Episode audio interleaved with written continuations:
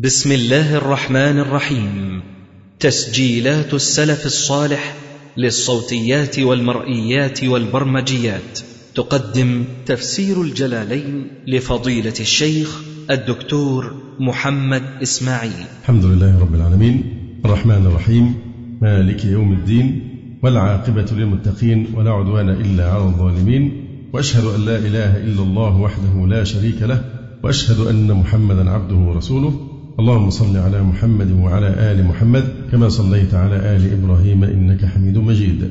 اللهم بارك على محمد وعلى آل محمد كما باركت على آل إبراهيم إنك حميد مجيد. أما بعد فنشرع بإذن الله تعالى في تفسير سورة القارعة وهي السورة الواحدة بعد آه، المئة آه، وهي سورة مكية.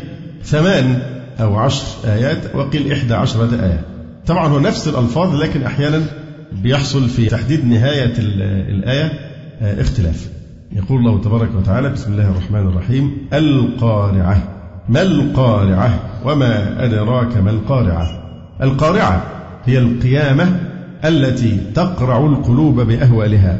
ما القارعة؟ هذا تهويل لشأنها. فما القارعة؟ مبتدأ وخبر. وهما خبر لإيه؟ للقارعة آه، الأولى. وطبعا هنا فن التكرير والتكرير هنا يفيد تهويل شأنها وتفخيم فظاعتها. القارعة ما القارعة؟ وما أدراك ما القارعة؟ يعني ما أعلمك ما القارعة؟ وهذا زيادة تهويل لها. وما الأولى؟ مبتدأ وما بعدها خبره. وما الثانية؟ وخبرها في محل المفعول الثاني لأدرى. يوم يكون الناس كالفراش المبثوث. يوم منصوب على الظرفية.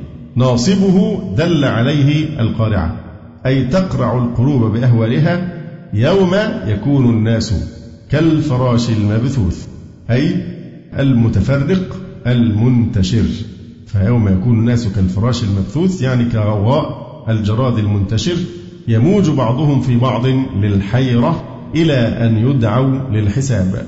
ما يعرب الناس؟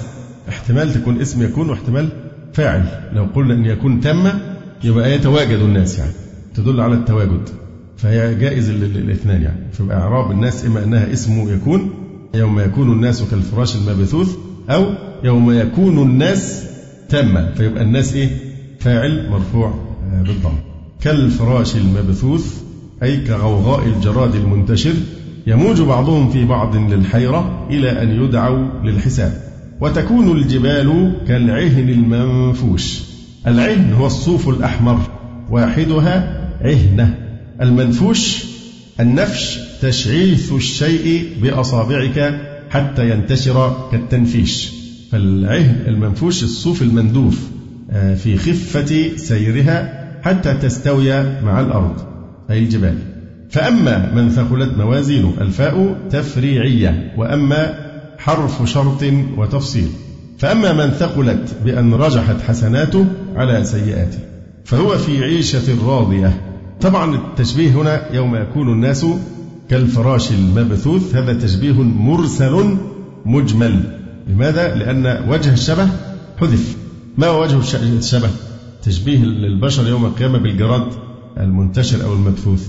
أولا الطيش الذي لحقهم لأن لو رأيتم أسراب الجراد حينما تهجم بتكون في حركاتها نوع من الطيش والاندفاع وعدم تحديد وجهها. أن تتداخل في بعضها وتموج في بعضها البعض. يبقى أول وجه شبه في هذا المنظر هو الإيه؟ الطيش الذي لحقهم. ثم انتشارهم في الأرض. ثم ركوب بعضهم بعضا. ثم الكثرة التي لا غناء فيها. ثم الضعف والتذلل وإجابة الداعي من كل جهة. ثم التطاير إلى النار للاحتراق من حيث لا تريد الاحتراق. وهكذا يفعل الفراش. ينجذب إلى النار وفيها حتفه. وهو لا يريد أن يحترق.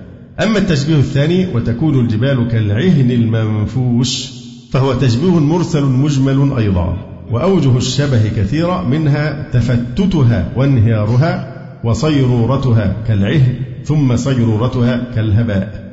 فأما من ثقلت موازينه بأن رجحت حسناته على سيئاته فهو في عيشة راضية يعني في الجنة. راضية أي ذات رضا بأن يرضاها أي هي مرضية له. يبقى راضية اسم فعل لكن معناها إيه؟ المفعول راضية يعني مرضية. والقائلون بالمجاز قالوا إن هذا مجاز مرسل. علاقته الإيه؟ فهو في عيشة راضية. من الذي يرضى؟ الإنسان الذي يعيش في هذه العيشة. فهو وصف العيشة نفسها بأنها إيه؟ راضية. في حين أن المقصود إيه؟ الإنسان نفسه. فهم قالوا إنه مجاز مرسل علاقته المحلية. محل الرضا هو الإنسان. لأن الذي يرضى بها هو الذي يعيش فيها. وقيل راضية بمعنى مرضية. وأما من خفت موازينه بأن رجحت سيئاته على حسناته فأمه هاوية.